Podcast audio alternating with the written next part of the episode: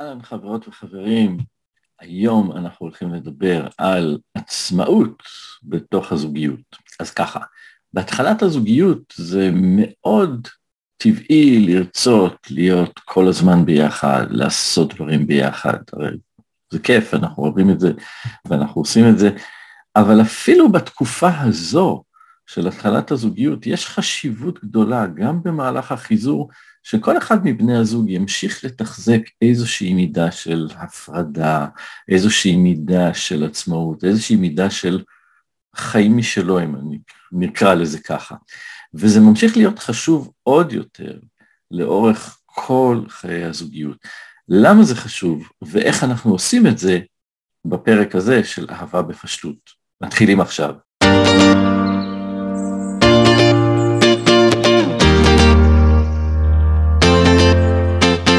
אהלן חברות וחברים וברוכים הבאים לפודקאסט אהבה בפשטות. אני שמעיה, מחבר הספר אהבה בפשטות, הרגלים מעשיים ליצירת חיי אהבה מושלמים. ואני כאן כדי לשתף אתכם באובססיה שלי. לחיות את הזוגיות הכי אוהבת, הכי מתגמלת, הכי מאושרת שאפשר. בפודקאסט הזה נדבר על זוגיות ואהבה, ונראה איך כל אחד ואחד מכם, כן, כן, גם את, גם אתה, יכולים להגיע לאושר ולשמור עליו. דרך בחירות יומיומיות פשוטות מהסוג שכולנו עושים כל הזמן. בפודקאסט הזה נחתור לגלות את העקרונות להצלחה באהבה ואת הדרכים המעשיות והמועילות ביותר לבטא את העקרונות האלו בחיים ובזוגיות שלנו. וכל זה מתוך הבנה אחת בסיסית, שהאחריות לאושר שלנו נמצאת, ותמיד הייתה, בידינו בלבד. אז קדימה, אהבה בפשטות מתחילה כאן.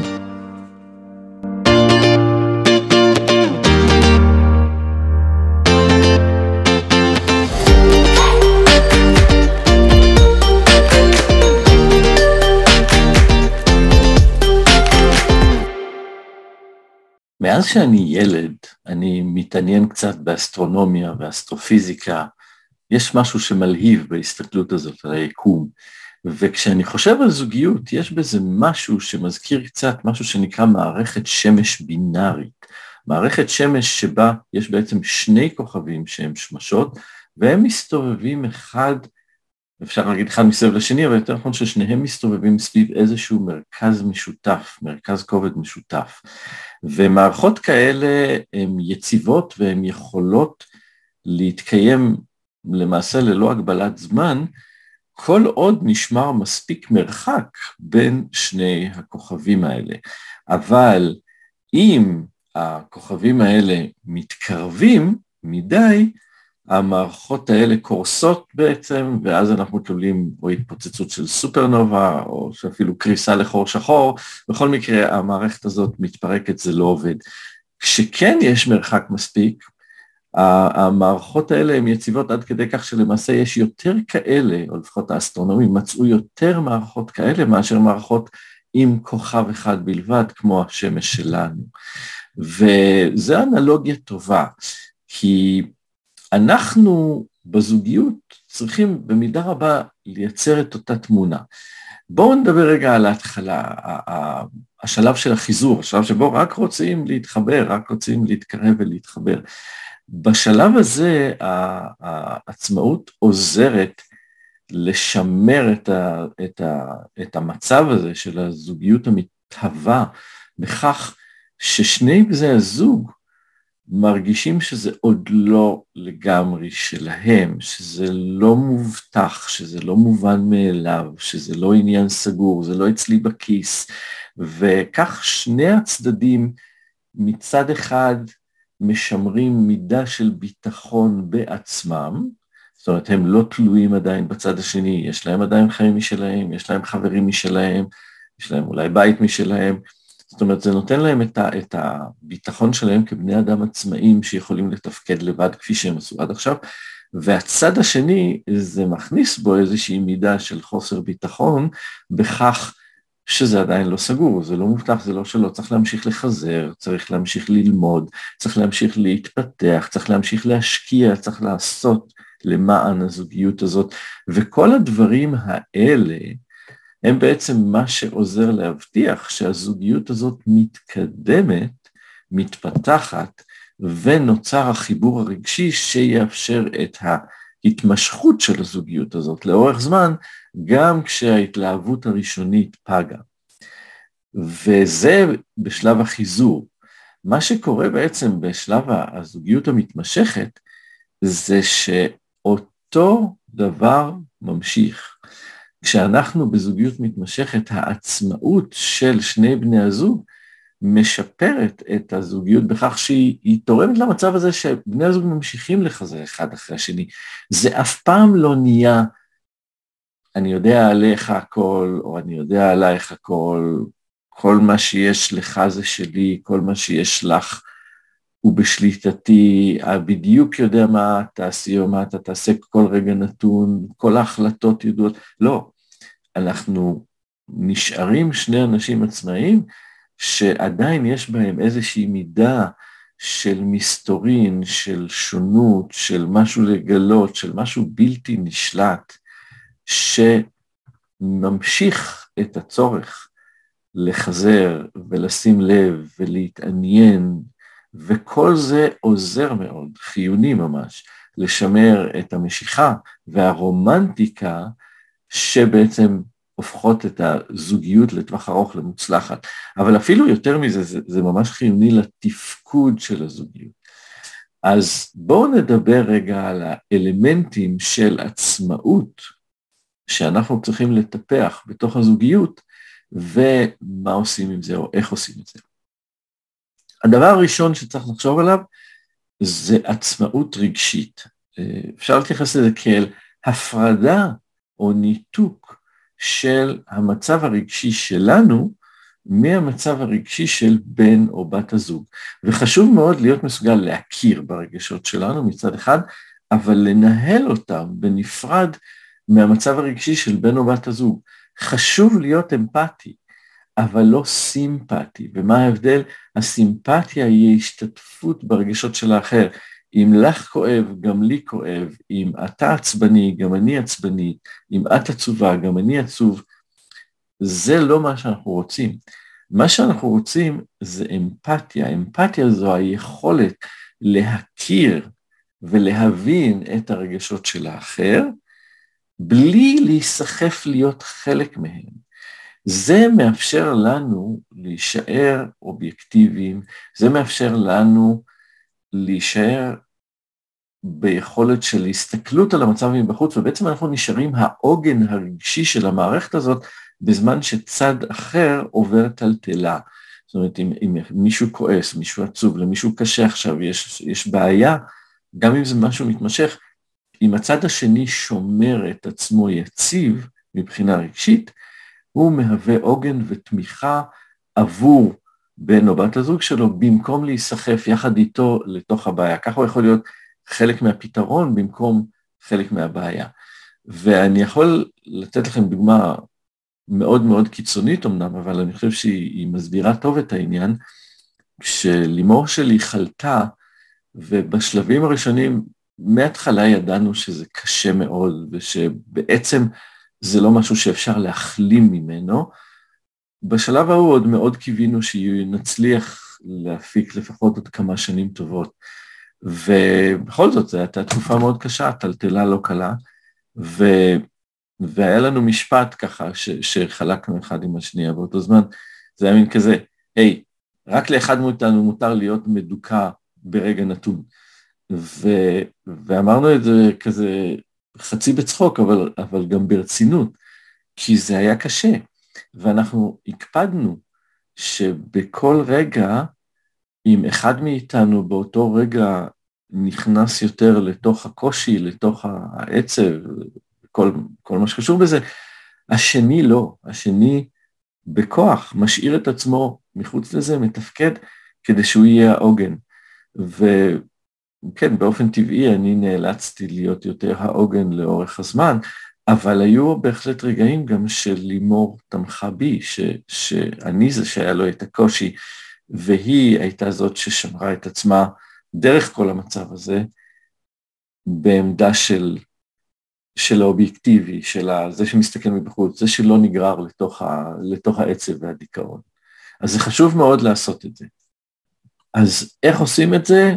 זה לא לגמרי טריוויאלי, אבל אה, אני מאוד מאמין ביכולת שלנו לשהות במצב הרגשי שלנו, ואפשר לעשות את זה אם אתם, אם אין לכם עדיין את היכולת הזאת, מאוד ממליץ מדיטציה, מאוד ממליץ יוגה, אגב לא חשוב כל כך איזה סוג של מדיטציה, מיינדפולנס או כל דבר אחר, טרנסדנדנטלית, זה הכל עובד בערך אותו דבר במובן הזה, אה, אפילו סתם פעילות גופנית אה, סדירה, זה הכל דברים שעוזרים לייצב אותנו ולחזק אותנו רגשית, אבל הרבה יותר מזה זה להבין מה משפיע על הרגשות שלי, זאת אומרת, אם מישהו דרך לי עכשיו על הרגל, האם אני בהכרח חייב לכעוס? האם אני בהכרח חייב להתעצבן? כי זה בעצם פרשנות שלי למקרה, האירוע הוא אירוע, אוקיי, הוא דרך לי על הרגל, זה אולי אפילו כואב, אבל, אבל מה הפרשנות שאני נותן לזה שמכתיבה את התגובה שלי? האם אני מפרש את זה כחוסר התחשבות, אולי אפילו כאיזשהו אקט של תוקפנות כלפיי, או שבמקום ללכת בכיוון הזה, שכנראה יעורר תגובה של כעס, אני יכול לבחור לראות את זה כסתם תקלה מקרית וחסרת משמעות, אין לזה שום משמעות רגשית. הוא דרך לי על הרגל בטעות, במקרה לא התכוון, ואני יכול אפילו, אה, אולי אפילו להיות משועשע מכמה הבן אדם הזה. הוא, הוא קלאמזי, הוא מגושם, הוא, הוא, הוא לא שולט בגוף שלו בצורה כזאת, וזה לא בטובתו והוא לא רוצה את זה והוא פשוט כזה, ואפשר להיות משועשע מזה. אז זה לגמרי בחירה. זה לגמרי בחירה שלנו, הפרשנות הזאת, וממנה גם התוצאה, ההתנהלות הרגשית שלנו, תושפע מאיך שאנחנו נפרש את המציאות שאנחנו רואים. וכן, אז כשבני הזוג שלנו עצובים, כועסים, מדוכאים, טוב להיות אמפתי, חשוב להיות אמפתי, אוקיי? אסור להיות אדיש או אטום לרגשות שלהם, אבל חשוב לשמור על ההפרדה, על העצמאות הרגשית שלנו, מהרגשות של בן או בת הזוג. סוג נוסף וחשוב של עצמאות זה העצמאות לעשות דברים לחוד, לעשות דברים לבד, בעצמך או בעצמך. טוב להיות ביחד, אני מאוד אוהב להיות ביחד עם בת הזוג שלי, עם אשתי. אני לא, למשל לא הייתי רוצה לנסוע לטיול לחו"ל בלעדיה, לא הייתי רוצה לעשות איזושהי פעילות פנאי משמעותית בלעדיה, כי זה פחות כיף לי. אבל יש הרבה דברים בחיים שלי שאני עושה בלי בת הזוג שלי, למשל הפודקאסט הזה זה משהו שאני עושה. והיא לא ממש שותפה לו, לא, היא מודעת לזה כמובן, אבל זה לא, אנחנו לא עושים את זה ביחד. אה, ועיסוקים אחרים, תחביבים אחרים, כל מיני דברים שיעזרו לכם להתפתח כבני אדם, ובחלק העצמאי של החיים שלכם, חשוב שיהיה לכם את זה. חשוב את זה במיוחד אם יש משהו שאתם נלהבים אליו במיוחד, שמעוררים אתכם, שמושכים אתכם, כמו שאמרתי, זה יכול להיות תחביב, זה יכול להיות קריירה, זה יכול להיות עיסוק צדדי, זה יכול להיות התנדבות, זה יכול להיות איזושהי מטרה עצמאית שלכם, כן, המטרה שלכם יכולה להיות להקים את העמותה ההתנדבותית לטובת הדררות שמסתובבות בתל אביב חופשי, או, או ללמוד לצייר, או לפתח את הקריירה שלכם לרמה המקצועית הגבוהה ביותר, או להיות עם האוסף הכי גדול בעולם של בובות פרווה. אני סתם ממציא כרגע דברים טיפשיים, אבל זו הנקודה, זה לא חשוב מה. זה, זה מה, חשוב מה כדי שזה יהיה משהו שחשוב לכם, אבל לי לא חשוב מה זה הדבר הזה. אל תוותרו על החלומות שלכם, זו הנקודה החשובה. אם יש לכם חלומות, אם יש לכם תחומי עניין, אל תוותרו עליהם, תמצאו דרך לממש אותם גם בתוך הזוגיות. ויש לזה עוד צד, חברויות וקשרים עם אנשים אחרים מחוץ לזוגיות. עכשיו אני יכול להגיד לכם עוד פעם, בזוגיות שלי זה, זה לא ממש חזק. אנחנו איכשהו מאוד מספקים אחד את השני מבחינה חברתית. שנינו לא אנשים עם המון מעגלים חברתיים, עם הרבה חברים ואנשים שאנחנו בקשר איתם יומיומי, ואנחנו, לכן אין לנו המון קשרים חברתיים פעילים מחוץ לזוגית, אבל זה לא שאין לנו בכלל, הם קיימים, וחשוב יותר מכמה הם, זה שהם לגיטימיים, זאת אומרת שזה לגמרי מקובל וסביר ובסדר, שלשנינו יש קשר עם אנשים אחרים, שלבן או בת הזוג אין בהכרח קשר איתם, וזה, וזה נחשב בסדר וזה נחשב תקין. קשה מאוד לקיים כזה מצב עם בני זוג שהם קנאים, אה, והם יכולים להיות אה, קנאות במובן הרומנטי, זאת אומרת, אני חושש במיוחד אם זה אה, מישהו מהמין הנגדי של בן או בת הזוג שלי שבקשר איתו, אבל זה יכול להיות גם קנאות לזמן ולמה הוא איתו ולמה הוא מבלה איתו ולא איתי או איתה, כאילו זה, זה יכול להיות גם התפיסה הזאת. חשוב להשתחרר מזה מפני שקנאה היא באופן כללי דבר שהוא הרסני ומזיק לזוגיות ופוגע באמון ו... ו...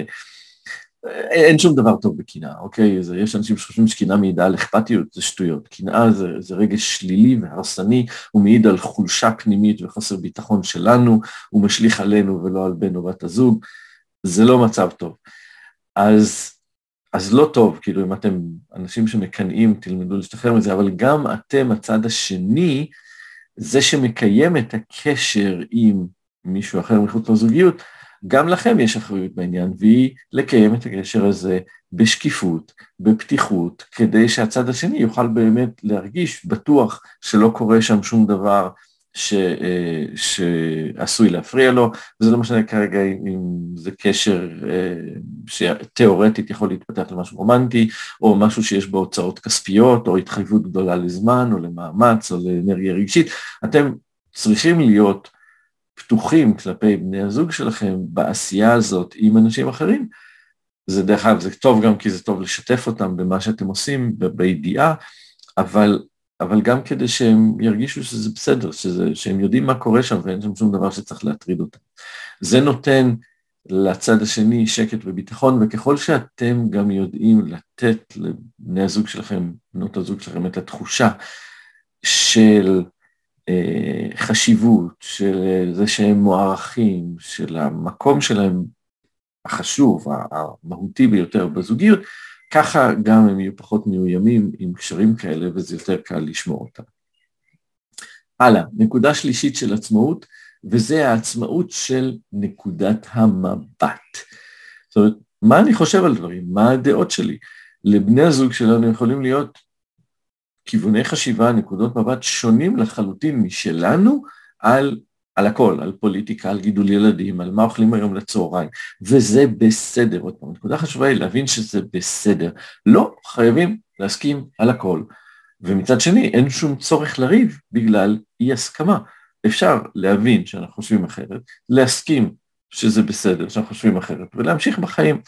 ובהקשר הזה בהחלט בהחלט חשוב לשמור על הערכים שלנו. ממש לא נכון לעשות דברים שהם מנוגדים באופן בסיסי לאמונות שלנו, רק כי בן או בת הזוג שלנו רוצים את זה. זה טעות, זה לא נכון לעשות את זה. אתם יודעים, כל כלל יש יוצא מן כלל, יכול להיות באירוע נקודתי לוותר על משהו, כי אם משהו נורא חשוב לבן או בת הזוג שלכם, באיזשהו אירוע נקודתי נדיר, אבל, אבל לא כשיטה, לא כמשהו שהוא קבוע, כי אז אתם מוותרים על האוטונומיה שלכם, אתם מוותרים על מה שחשוב לכם. זה, זה, יש לזה שני מסלולים אפשריים, אף אחד מהם לא טוב. לא טוב להיות סמרטוט בזוגיות, אף אחד לא רוצה להיות בן זוג או בת זוג של סמרטוט, ומצד שני, אם, אם אתה לא לחלוטין סמרטוט ואתה כל הזמן מוותר, אז זה, זה יוצר תחושה של, של טינה, של, של זה, זה, כאילו אנחנו מרגישים מנוצלים, זה לא טוב, אנחנו לא רוצים את זה. אז הכלל באופן מעשי, הדבר שצריך ללמוד הכי לעשות אותו, זה להיות בסדר עם לא, להיות בסדר להגיד לא, להיות בסדר לקבל לא כתגובה לבקשה או הבעת רצון שלנו. וצריך לעשות את זה בשני הצדדים, בלי להיעלב ובלי להרגיש אשם, ובלי לנסות לגרום לצד השני להרגיש אשם. כשיודעים לעשות את זה, אז נשמר לכל אחד משני בני הזוג המקום שלו לחשוב עצמאית, להביע דעה עצמאית, לקדם את מה שחשוב לו, ובלי ליצור התנגשויות, בלי לדרוך אחד על השני. אני מתייחס לזה הרבה פעמים כשאני מדבר במונח אסרטיביות, שאני אומר שאצלי ההגדרה לאסרטיביות זה לעמוד על שלך בלי לדרוך על זה של האחר, זה איזושהי תפיסה ציורית כזאת שאני שאני חושב שהיא מביעה היטב את, ה, את הדבר הזה. דבר נוסף, הביטוי הנוסף של עצמאות זה לדעת לסמוך על הצד השני בלי להיות תלוי בו כנזקק. מה ההבדל? ההבדל הוא בין להיות שותפים, וזה טוב לנו, אבל כל אחד מאיתנו הוא בן אדם שלם בפני עצמו, לבין התפיסה, ההרגשה, שאם אני לבדי, זה לא מספיק טוב, זה, זה לא טוב בכלל, אני, אני לא אחזיק מעמד, אני לא אסתדר, לא אסתדר נפשית, לא אסתדר כלכלית, לא אסתדר רגשית, או כל דבר אחר. תשרף הנורה ואני לא אדע מה לעשות, אוקיי? יהיה לי לגייס חולצה בבוקר ואני אבוד. אוקיי? כל מיני אה, תחושות כאלה, רגשות כאלה של, של חוסר שליטה ותלות בבן הזוג השני, הם לא טובים. מה שאנחנו רוצים זה שותפות. עכשיו, איך עושים את השותפות הזאת? כל זוג עושה את זה בנפרד. בנישואים הראשונים שלנו היה לנו חשבון משותף, והכסף של שנינו נכנס לשם ושנינו הוצאנו אותו, ואף אחד אף פעם לא נדרש לתת דין וחשבון לצד השני, עשינו את זה תוך דיבור והסכמה, אבל אף אחד מאיתנו אף פעם לא בא לשני, מה, מה זה ההוצאה הזאת, או למה הוצאת הכסף הזה, הכסף היה של שנינו. זה היה דרך אחת לי, להסתכל על זה ולעשות את זה. בזוגיות הנוכחית שלי אנחנו מקיימים חשבונות נפרדים, בחירה אחרת, זה עובד היטב באותה מידה, כי מה שחשוב פה זה לא המנגנון הטכני, זה התפיסה. ו- וזה לא משנה איך אתם עושים את זה מבחינת בית, מבחינת אוטו, מבחינת עבודה, מבחינת כסף, כל, כל הדברים האלה. חשוב שאתם שותפים, אבל שאתם לא תלויים אחד בשני. אני חושב שבאופן כללי עדיף שלשני בני הזוג יש גישה שווה ועצמאית לכל המשאבים של הזוגיות, אבל גם אם אתם מחליטים שזה קצת אחרת, איך זה אחרת ומה אחרת. ובטוח שמה שחשוב, שדברים כמו אה, חברות, תמיכה רגשית, סיפוק מקצועי, כל הדברים האלה, לכל אחד מבני הזוג צריכה להיות את הגישה שלו למשאבים האלה, בלי שהצד השני שולט בזה, או בלי שהוא תלוי בצד השני כדי שזה יקרה. ואז העצמאות הזאת, בהיותי מסוגל גם לעמוד לבד, היא מקרינה על כל היתר. היא מצד אחד גם תוצאה של הדברים האחרים, אבל היא גם מחולל של הדברים האחרים. כשאני בטוח בעצמי שאני יכול להסתדר לבד, אז אני לא נגרר להתנהגויות שהן פוגעות בזוגיות, שנובעות מכך שאני מרגיש מאוים, או תלוי, או אבוד, או כל הדברים האלה. אוקיי, מספיק עם הנקודה הזאת. בואו נעבור לנקודה הבאה, שאני חושב שהיא מאוד חשובה בזוגיות, ולפעמים היא קצת מאתגרת. מרחב פיזי עצמאי כלשהו. עכשיו, יש, אפשר להסתכל על דוגמה קיצונית, מירב מיכאלי וליאור שליין, שממש גרים בשתי דירות נפרדות באותו בניין. אגב, הם לא הראשונים, אוקיי, ז'אן פול סרטר אה, ואהובתו גרו בכלל ברחובות נפרדים, אבל זה לא משנה. אה, זה, זה מצב קיצוני, ואם אתם גרים בדירה קטנה, זה לא קל בכלל לביצוע, יכול להיות שאין את המקום, אבל כדאי שיהיה לכל אחד מבני הזוג איזושהי פינה שהיא שלו, אפילו אם זה שולחן קטן, אפילו אם זה, זה משהו, כיסא במרפסת, מקום כזה ש, שהוא המלך, שהוא מחליט שהשני לא מזיז לו שם ולא מתערב לו שם ולא נכנס לו שם, וככל האפשר כשהוא שם גם לא מפריע לו. והמרחב הפיזי הקטן הזה עוזר מאוד לקיים את התחושה של שליטה ושל אוטונומיה, וככה, שוב, זה, זה תומך ביכולת שלנו לעמוד גם בפני עצמנו. אז, אז באופן כללי, אם אני מסכם את, ה, את הנושא הזה, לא טוב לייצר מצב שבו הזוגיות היא חזות הכל והיא הדבר היחידי עבור בני הזוג. ולא טוב שבן או בת הזוג הם המקור לכל מה שטוב בחיים שלך. אגב, כן, זה, זה כאילו סותר את מה שאני כל הזמן אומר, ואת העניין של להיות ביחד ולעשות הרבה למען השני, לא. העושר במידה רבה בא או, או נתמך על ידי זוגיות, ואני חושב שקשה להיות מאושר באמת בלי אהבה וזוגיות בחיים, אבל, אבל זה לא יכול להיות הכל, כאילו הבן או בת הזוג צריכים לתפוס את המקום הראשון ברשימה, אבל הם לא יכולים להיות כל הרשימה, צריכים להיות שם עוד דברים, עוד אנשים, עוד דברים, כי אם הם כל הרשימה, זה מעמיס עליהם יותר מדי ציפיות, יותר מדי צורך, ואף אחד לא מסוגל לעמוד בזה. בסופו של דבר, הצד הזה ששמים עליו כל כך הרבה ירגיש חנוק ומוגבל, ובהכרח הוא מתישהו יאכזב את הצד השני, כי הוא לא יעמוד בזה, אולי אפילו ירגיש צורך לפרוץ מתוך זה, לברוח, להכחיש את, את, את התפיסה הזאת שהוא צריך לתת את הכל כל הזמן, וזה מצב שעלול להוביל את הצד השני לתחושות של אכזבה, ואולי אפילו להרגיש שהוא, שהוא נבגד, ש, שהוא לא מקבל מהזוגיות את מה שהוא חשב שהוא זכאי לקבל, זה לא טוב. כששומרים את העצמאות של שני בני הזוג בזוגיות, זה עוזר למנוע את המצב הזה, זה עוזר להמשיך לצמוח, כל אחד מבני הזוג כבני אדם בפני עצמו, וזה, ואני התייחסתי לכך, אני חושב גם במקרים, בפרקים אחרים בזוגיות, הצמיחה האישית הזאת של כל אחד בפני עצמו היא גם חלק חשוב ממה שעוזר לזוגיות עצמה להמשיך לצמוח, להמשיך להתפתח. יום עצמאות שמח לכולם, נתראה בפרק הבא.